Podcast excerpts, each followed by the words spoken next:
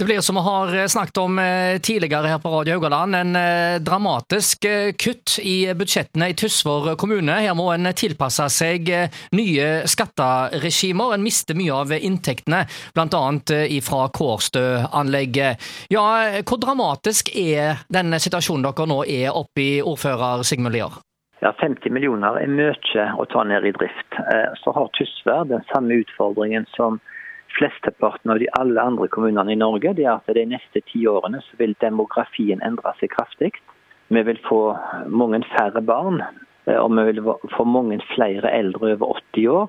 Så for Tysværs en del, så når vi da skal ta ned drifta, så må vi òg flytte drifta fra fra barn og unge og over på eldre.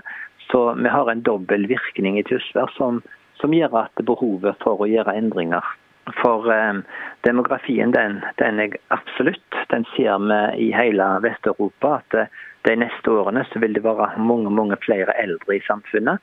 Eh, og mange færre barn. Og så vil man dette selvsagt endre seg om en sikkert 10-20 år igjen. Og så går dette sånn i bølger. Men når en da skal drive en kommune eller drive tjenester, så må man styre etter det grunnlaget som er. 50 millioner, det er jo rundt 4000 kroner per person i Tysvær, så dette her er jo eh, dramatisk. Eh, ja, anbefaler du nå at folk får eh, flere barn i Tysvær? Absolutt. Nå har vi hatt en veldig Jeg tror det er over 150 barn som er født i Tysvær i 2021. Det er så bra. Det er nesten rekord. Og jeg sier at la oss håpe at vi setter rekorder hvert år framme, for det trenger vi. Og Det sier altså ordfører i Tysvær, Sigmund Lier.